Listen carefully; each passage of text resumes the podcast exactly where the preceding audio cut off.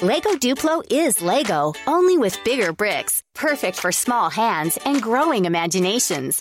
Bright, colorful bricks that help your child to create a world of imaginative building. The new Lego Duplo steam train has arrived with push and go motor and five new action bricks that control everything from the lights, the direction of travel, and even the horn. And download the free Duplo app for even more fun. Learn more at lego.com slash Duplo. That's lego.com slash Duplo. Välkommen Tryst till Klimakteriepodden. Tryststockholm.com är sajten som jag tycker att du ska besöka. Här hittar du träningskläder för aktiva kvinnor. De är snygga, bekväma, stilrena i designen, passar både på fritiden, på väg till och från träningen och också under passet. Jag har själv nästan lite svårt att komma ur kläderna efter passet för de är så sköna. Dessutom gillar jag också den här härliga mix och matchfärgskalan som finns i lite lugna färger och inte, känns inte så skrikigt. Kvaliteterna är fantastiskt sköna och jag tycker verkligen att det är kul för det är Wilhelmina, min kompis, som har tagit fram de här kläderna och hon är en förebild. Det är även roligt att det finns herrplagg i kollektionen, så missa inte det. Gå in på tryststockholm.com och Klimakteriepodden tackar speciellt för samarbetet.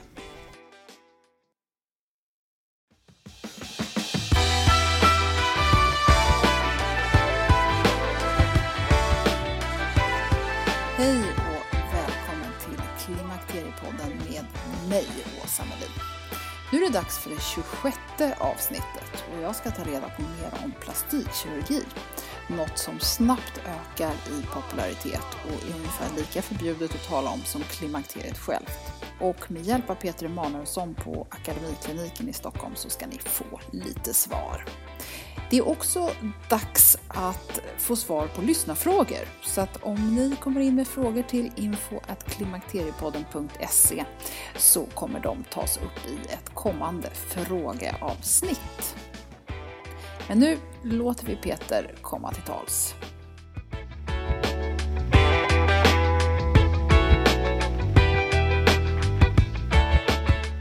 Peter Emanuelsson, välkommen till Klimakteriepodden. Tack så hemskt mycket. Du är läkare med specialistexamen i allmänkirurgi och sen är du vidareutbildad i plastikkirurgi. Och du jobbar både med rekonstruktiv plastikkirurgi på Karolinska i Stockholm och också med estetisk kirurgi här på Akademikliniken där vi sitter idag. Ja, stämmer bra. Ja. Hur, hur halkade du in på det här? Eh, ja, det var så här, när jag var liten så hade jag alltid en dröm att bli läkare på något sätt. Eh, jag hittade en bok där man skriver sin, sina favorityrken och färger och kompisar och vad man vill bli när man blir stor. Och den råkade jag hitta här för några år sedan. Och då har jag skrivit att antingen så vill jag bli doktor eller så vill jag bli filmstjärna. och jag blev doktor. Med filmstjärneaspiration då? Ja, absolut. Eh, sedan så har jag ändå när jag började läkarlinjen så tänkte jag redan från början att ska jag bli läkare så vill jag bli plastikkirurg. Det har jag bestämt från första början. Ja. Och jag har undrat också och funderat på varför det var så. Och eh, jag tror att, att eh, jag gillar eh, den estetiska linjen. Jag är estet kan man säga på sätt och vis. Jag tycker om det sköna och eh, också det konstnärliga. Så det var en kombination att man kan då vara läkare och samtidigt jobba med skönhet och eh, konstnärligt eh, inriktad. Ja, det låter jättekul. Ja. Ja, spännande, men logiskt också. Ja. Ja. När jag var liten ville jag bli kirurg för jag tyckte det såg så kul ut eh, med de som jobbade i köttdisken i mataffären. ja, inte riktigt så går det till här. det var skönt. Ja, bra. Eh, vi har haft Petra Kjellman med och då talar vi väldigt mycket om hud eh, i avsnitt 16. Men eh, då pratar vi mer om ansikte och vård och sådär utan kirurgi. Och jag skulle vilja utveckla det här för att det är väldigt spännande. Många kvinnor mår ju väldigt dåligt av att åldras. Eh, man, framförallt den här slappheten i huden och det, brösten hänger och magen är inte som förr och ja, eh, allt möjligt. Det, det är ju viss gravitationspåverkan och, och, man kan skoja om det liksom allmänna förfallet. Men, eh, så jag tänker vi ska prata lite om, om det idag och, Mm. och då har jag googlat lite grann och då, när man liksom pratar om varför plastikopererar sig folk så är det väldigt många eh, träffar på att man vill se fräschare och naturligare ut.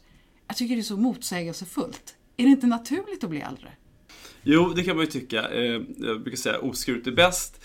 Men eh, med plastikkirurgi så kan man faktiskt eh, göra underverk och se lite fräschare ut och eh, naturligare ut.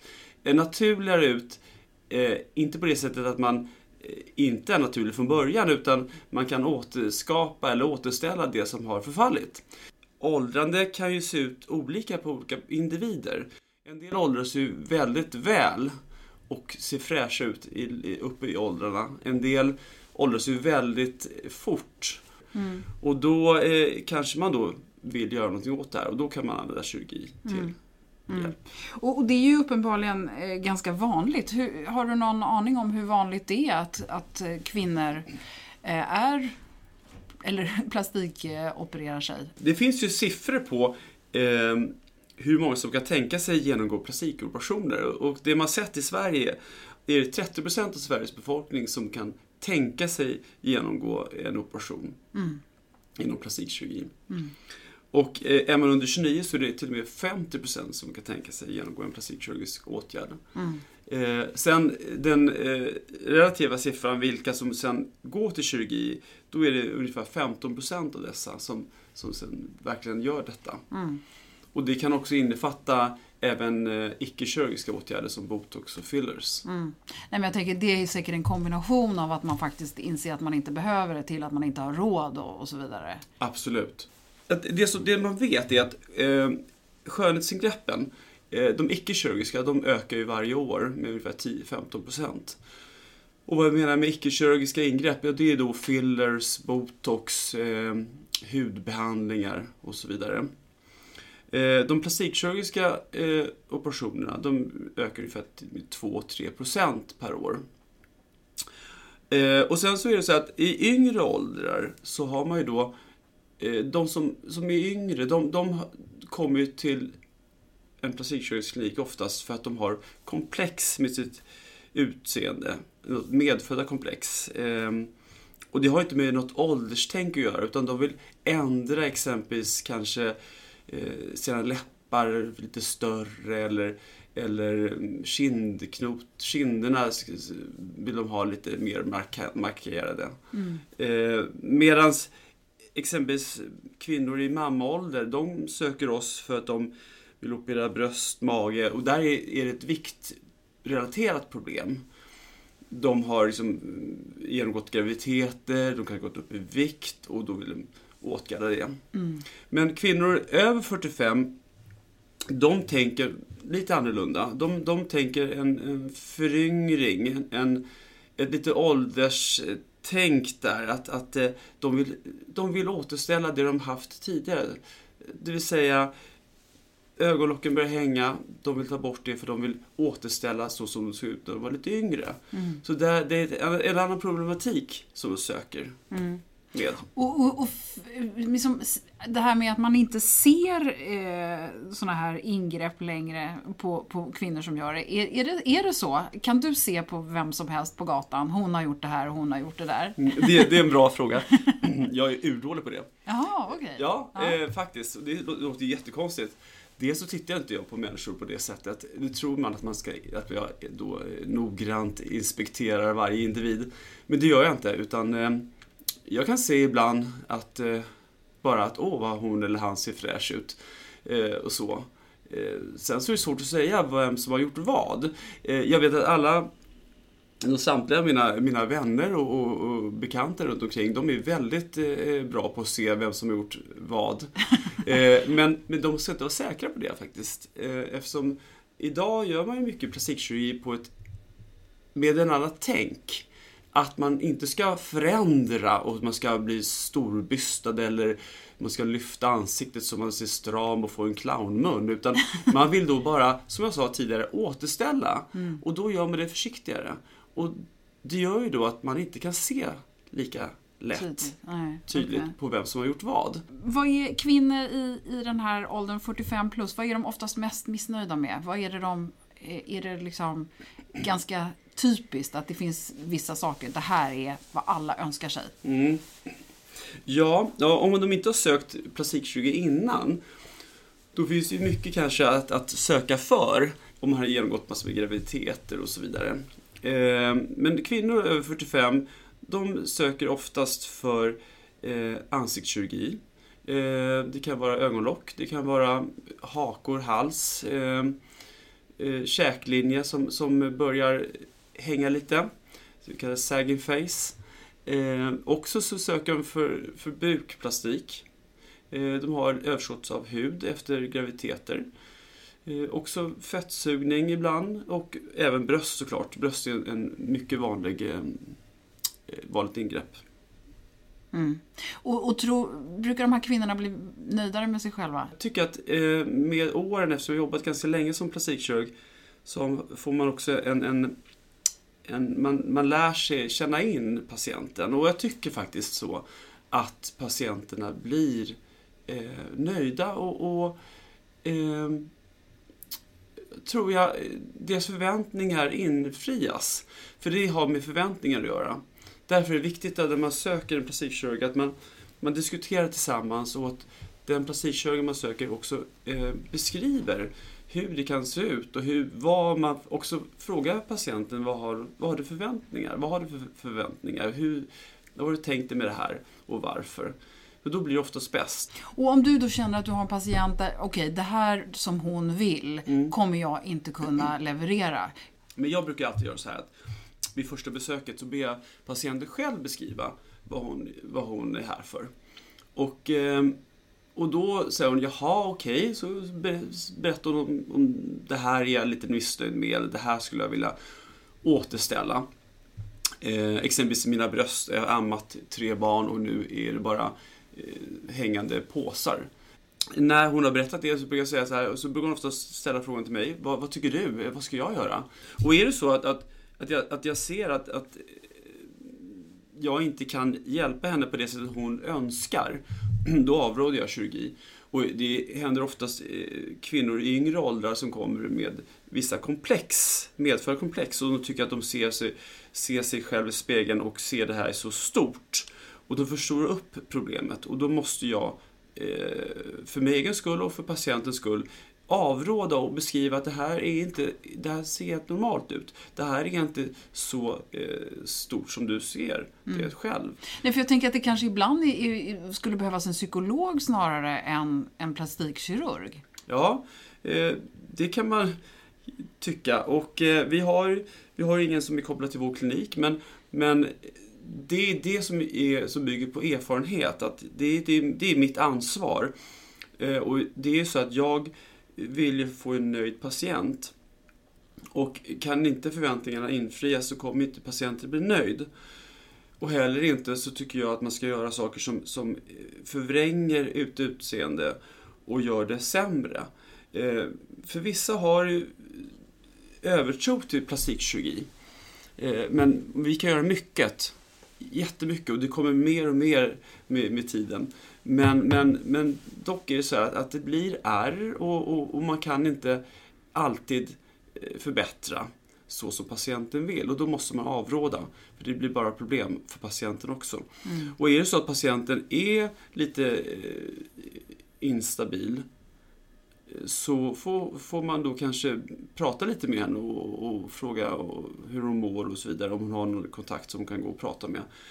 Eh, just om det här med utseende. Mm. För det är så att folk blir lätt fixerade vid sitt utseende. Mm. Och det vet man ju själv. Och framförallt de som har genomgått kirurgi blir fixerade vid sitt utseende. De tittar ännu mer i spegeln och ser ännu mer fel på sig. Så att eh, där måste man ju sätta gränser och också känna av patienten. Om man funderar på plastikkirurgi, att man eh, funderar på varför. Mm. Och för vem? Om det är för sig själv eller om det är för någon annan, ens partner. Och det är ju så att när man väl har funderat på det, då ska man då i lugn och ro eh, titta igenom vilken klinik man vill vända sig till. För det finns, det finns ingen lagreglering på just plastikkirurgi, så vem som helst kan utföra detta. Så för det viktigaste eh, är ju att, att kunden eh, ser till att den klinik man väljer eh, de doktorerna är med i Plastikkirurgiska föreningen och även i den estetiska plastikkirurgiska föreningen. Så det är en garanti på i alla fall att de är plastikkirurger och estetiskt utbildade. Mm. Sen är det så här att, att patient, doktor är jätteviktigt. Det är det viktigaste. Att man får ett förtroende. Om man liksom tänker sig nu att man ska göra ett ingrepp eller man, man är missnöjd med någonting. Finns det no eller om man överhuvudtaget bara är missnöjd med sin, sin, sitt åldrande. Eh, finns det något sånt där lyft eller någon operation som du vet, ja men det här blir alla nöjda med. Det här gör under för de flesta. Dunderkuren. Nej men du förstår vad jag menar. Jag förstår vad menar. Ett, ett eh, ingrepp som ger goda resultat. Du får Mm. mycket för kniven om man säger så. Ja, och jag ska säga att det finns mycket utanför kniven man kan ge. Ja, Eh, exempelvis, jag tycker väldigt mycket om botox och fillers.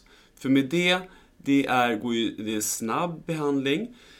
Eh, den är förhållandevis smärtfri. Eh, man kan göra underverk med bara fillers.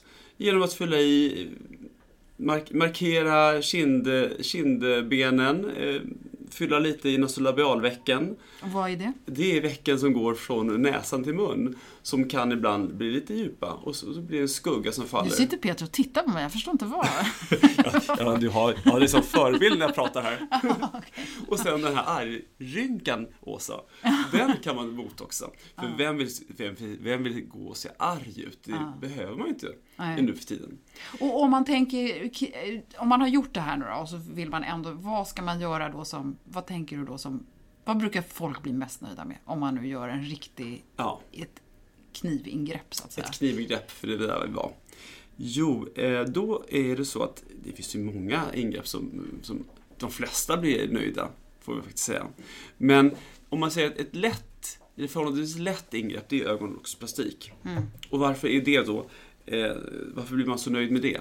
Jo, det är för att ärren, de ser man inte för de ligger liksom i väcket på ögonlocket. Så det är bara om du blundar och då ser du själv inte dem.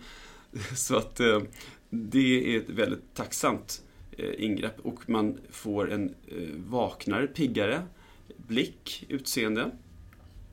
Eh, det går relativt snabbt man, och rehabiliteringen, man, man kan vara på jobbet efter eh, ja, samma dag, men då har man ju lite plåster och så i ansiktet. Så att om man inte vill visa det så tar det en vecka, sen kan man sminka över och gå till jobbet.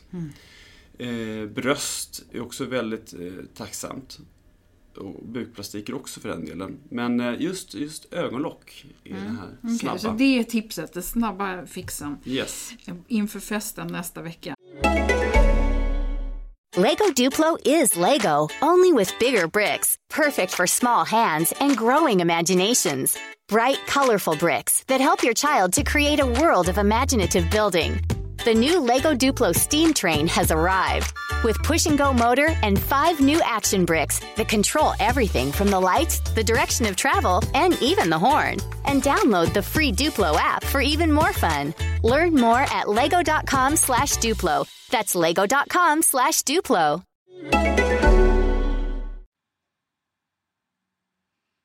Om man nu tänker så här, vad, vilka typer av eh, ingrepp kan klassas som sånt som man kan få gjort av det, alltså kan bli ordinerad som man inte behöver betala själv? Finns det några sådana? Ja, du menar eh, ståndkirurgi som man kan få via landstinget? Precis. Jo, alltså, jag, eftersom jag jobbar som med rekonstruktiv plastikkirurgi också på Karolinska sjukhuset, så där har vi ju faktiskt, eh, vi gör bröstförminskningar och, och en del bukplastiker på just personer som har då eh, gjort, genomgått bypass, eh, gastric bypass operationer, Mm. alltså eh, överviktspatienter Mm. som gått ner väldigt mycket i vikt. Mm. Ehm, och de kan eh, eh, få det via landstingsvård. Men det vi har eh, kriterier och vi, man måste uppfylla vissa kriterier för att kunna få det, detta. Mm. Gör ju mindre och mindre sådant inom landstingsvård eftersom det, vi måste koncentrera oss på mer eh, cancerkirurgi, Mm. eh, rekonstruktiv kirurgi efter canceroperationer. Okej, för det har liksom tagit över lite Ja. av eran kapacitet. Men, men såklart, eh, man kan få eh, bröstförminskning och bukplastiker men det är väldigt eh, hårda krav för detta. Mm. Mm. Nej, okej. Eh, men hur ska man tänka då eh, när det gäller ålder? För jag har en väninna som hon tyckte liksom att det gällde att operera. Jo, hon gjorde ju såna här ögonlock och så sög hon lite fett eller vad det nu är för någonting som ligger i påsarna under ögonen. Eh, och det gjorde hon redan vid 50 för hon tänkte här, det här ska jag liksom ha ut. Jag vill, ha, ha eh, valuta för den här operationen så länge som möjligt. Så Ja. hon tyckte att det gällde att liksom snabbt eh, få det här gjort. Hur ska man tänka? Är det bättre, om, om man ändå liksom har bestämt sig för att jag tänker någon gång fixa det här. Mm. Är det bättre att göra det så ungt som möjligt eller ska man liksom vänta tills det är så jäkligt så att man inte står ut? Eller hur ska man tänka? Ja, det, hur ska man tänka? Man ska vara nöjd med sig själv. Du har ju en viss poäng i det här att väntar man för länge, då blir ju huden, eh, elasticiteten i huden försämrad.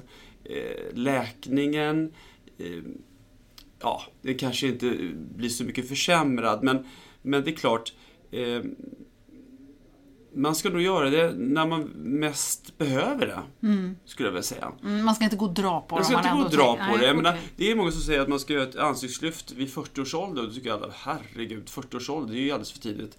Men det blir ju väldigt fint när man gör det då, om man behöver det. Mm. Och då varar det längre och eh, huden har en, en annan spänst och, och läkningsprocessen går oftast bättre. Men när du säger det varar längre, om jag gör det vid 40 istället för 50, kommer jag se likadan ut vid 60? Oavsett om jag gjorde det vid 40 eller 50, är det så du menar? eller? Nej, så menar jag inte. Utan jag menar att gör du det vid 40 års ålder, 45 års ålder, så kanske du är nöjd ända tills du är 70-80 och sen så, så, så tycker du inte att det är så viktigt längre. Nej. Eh, eller så är det ännu viktigare.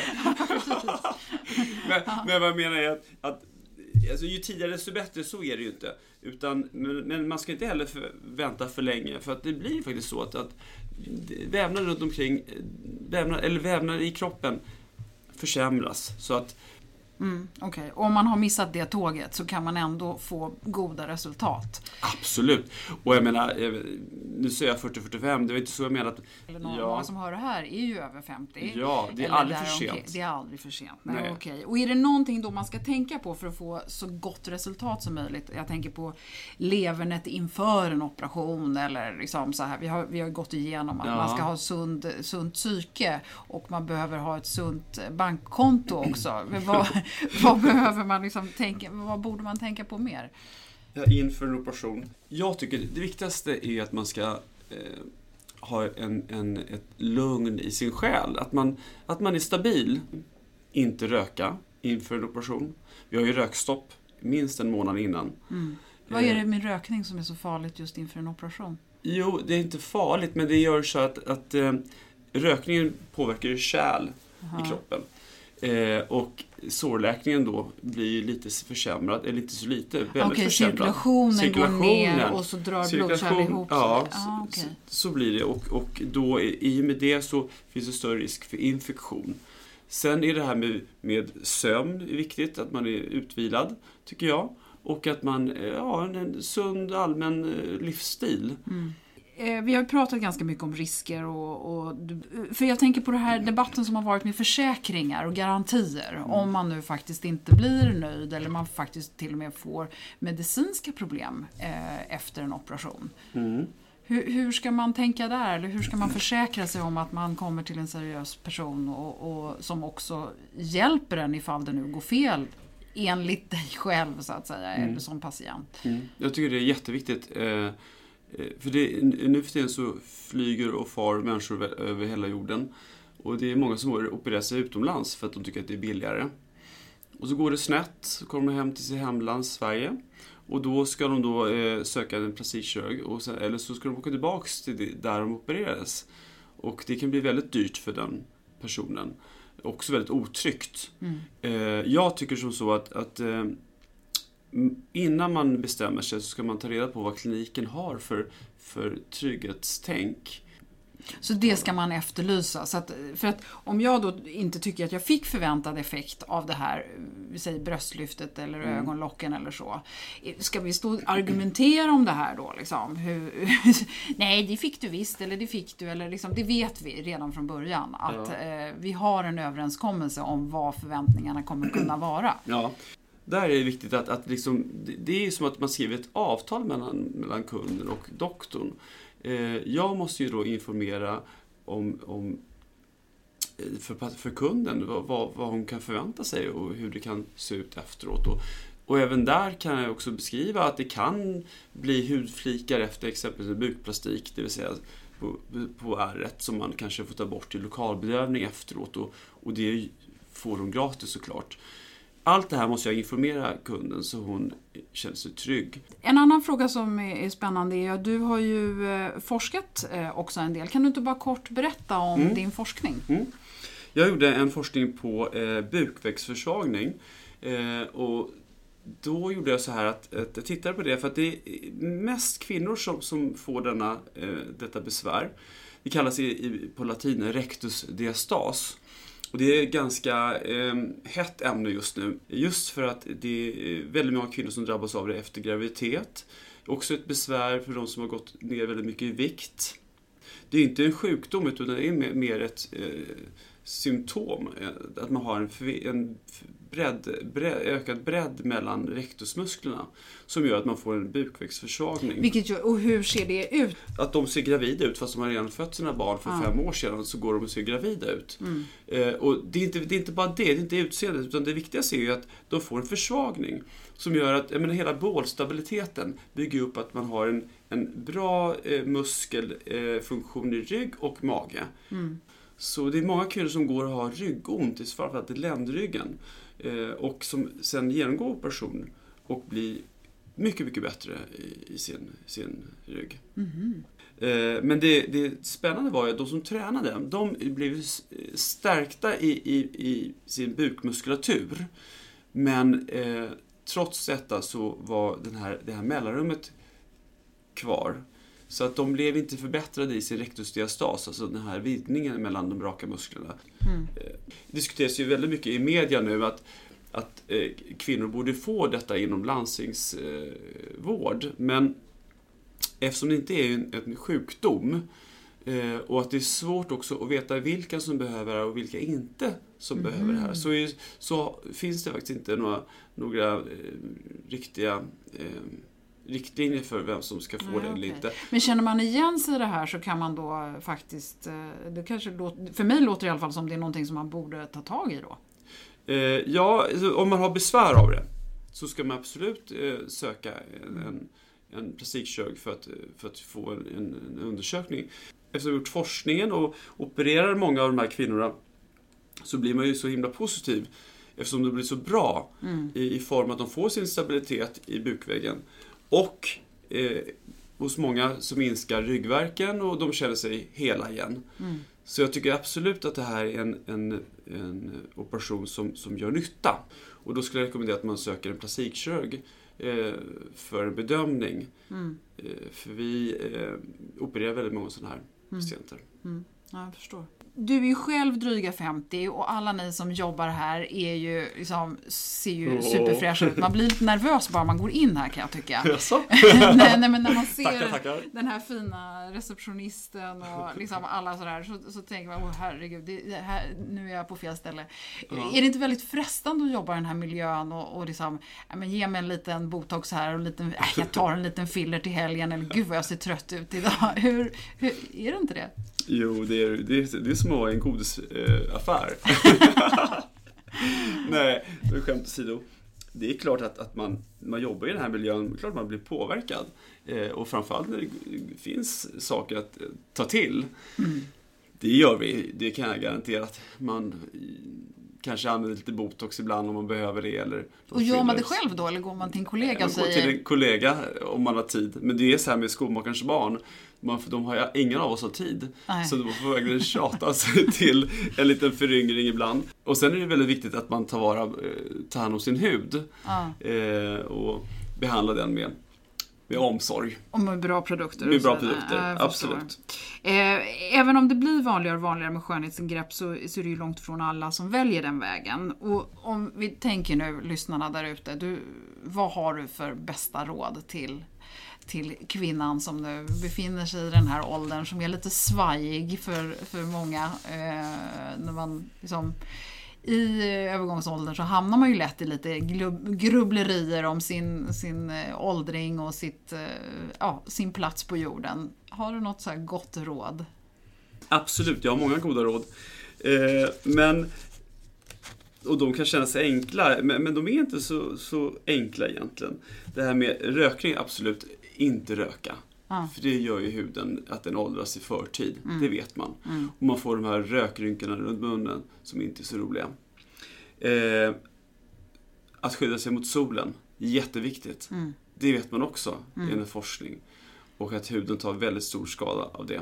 Så solskyddsfaktor 50, absolut, hela tiden. Man blir brun ändå faktiskt. Jag använder 50 varje sommar. Mm. Och även, även när det är soligt på vår och höst. Och man blir lite brun ändå, så ska man bli inte helt vit för det. Eh, sedan, eh, att man sover bra. Att man har en, en god sömn. Det låter enkelt, men det är inte alltid så enkelt. Framförallt när man kommer upp i lite högre åldrar. Och sen att man rör sig, fysisk aktivitet. Tror jag väldigt mycket på. på. Och det är inte så att fysisk aktivitet gör att när kroppen liksom skumpar och rör sig, för det tänker jag på ibland när jag springer, att det känns som liksom allting, även om man har bra bh och sånt där, det är ju inte bara där det rör sig, det känns som det rör sig allting. Då tänker jag att, man, att, att huden blir ännu... Töjbar eller Ja töjbar? men precis, jag kommer, kommer ihåg Ally McBeal där hennes assistent hade någon sån här ansiktsmask som man skulle liksom, hon hade uppfunnit som man skulle sova med så man inte blev rynkig när man låg mot kudden och lite sånt där. Man får landa sig i en kroppstrumpa när man är ute och joggar. Ja, ja. Nej, men, men, det, men det är väl så att man får, man får använda en sån sport-bh så att man håller dem på plats. Och så liksom. får man, hålla, får man ha en mössa som stramar åt ansiktet så det håller sig på plats när man springer. Ja. Annars tror jag att det är, det är, det är mer eh, nytta än skada att, att jogga omkring här. Ja, okej. Jag tycker vi har fått jättemycket information av dig här idag, eh, Peter. Tycker du att vi har missat någonting? Eh, Jag tycker vi har gått igenom eh, relativt mycket. Kanske inte gått in på djupet, men det är inte det. Utan få en allmän bild av plastikkirurgi. Ja. Eh, och det jag tänk, vill ändå eh, tynga på, eller, eller liksom säga är lite viktigt, är det här med att, att man ska inte hänga upp sig på små detaljer i, på sin kropp och, och tycka att det, det är det som gör ens liv dåligt. Utan man ska se stora hela. Och har man saker som man, som man går och funderar på så kan man väl då ta hjälp och, och gå till en plastikkirurg och, och prata lite om det här. Så kanske det antingen så kanske man kommer över det och så behöver man inte göra någon kirurgi eller så genomgår man kirurgi och så, så har man gjort klart det och så behöver man inte tänka på det mer. Det är så många människor som är, går i så missblåtna med sitt utseende och, och framförallt kan jag tänka mig i, i dagens läge när man tittar i alla magasin och TV och alla ser så fräscha ut. Men det man glömmer bort är ju att, att man retuscherar bilder och, och fotografer är fantastiska på att ta bra bilder i bra ljus som gör att man ser så yngre och slätare ut. Eh, och om man tittar på film så tror man ju att alla de här filmstjärnorna, de måste ju vara födda så här vackra. Men det ska jag säga att, att eh, man ska inte vara säker på det. Alla tar till den hjälp man kan få för att se lite fräschare och naturligare ut som du benämnde det i början av programmet. Ja. Okej, då är jag jätteglad för din tid här idag Peter. Du har patienter som väntar så att vi eh, får nöja oss där för Ja, idag. Tack, tack. för att du kom till Klimakteriepodden. Ja, tack så hemskt mycket för att jag fick vara med. Ja.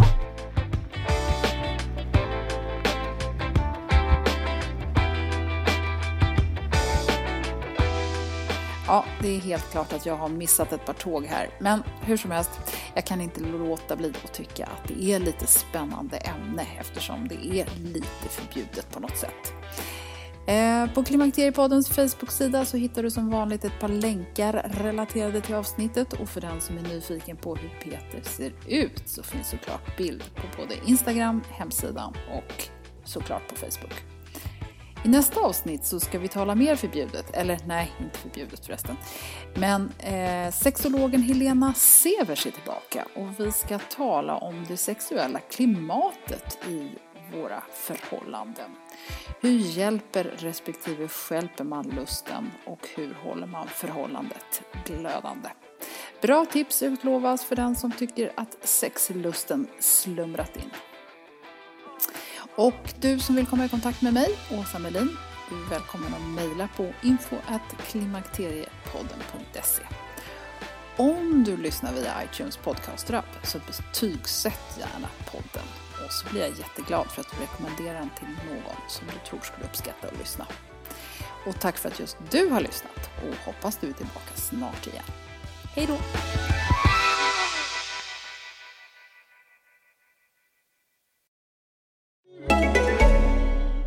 Lego Duplo is Lego, only with bigger bricks, perfect for small hands and growing imaginations. Bright, colorful bricks that help your child to create a world of imaginative building.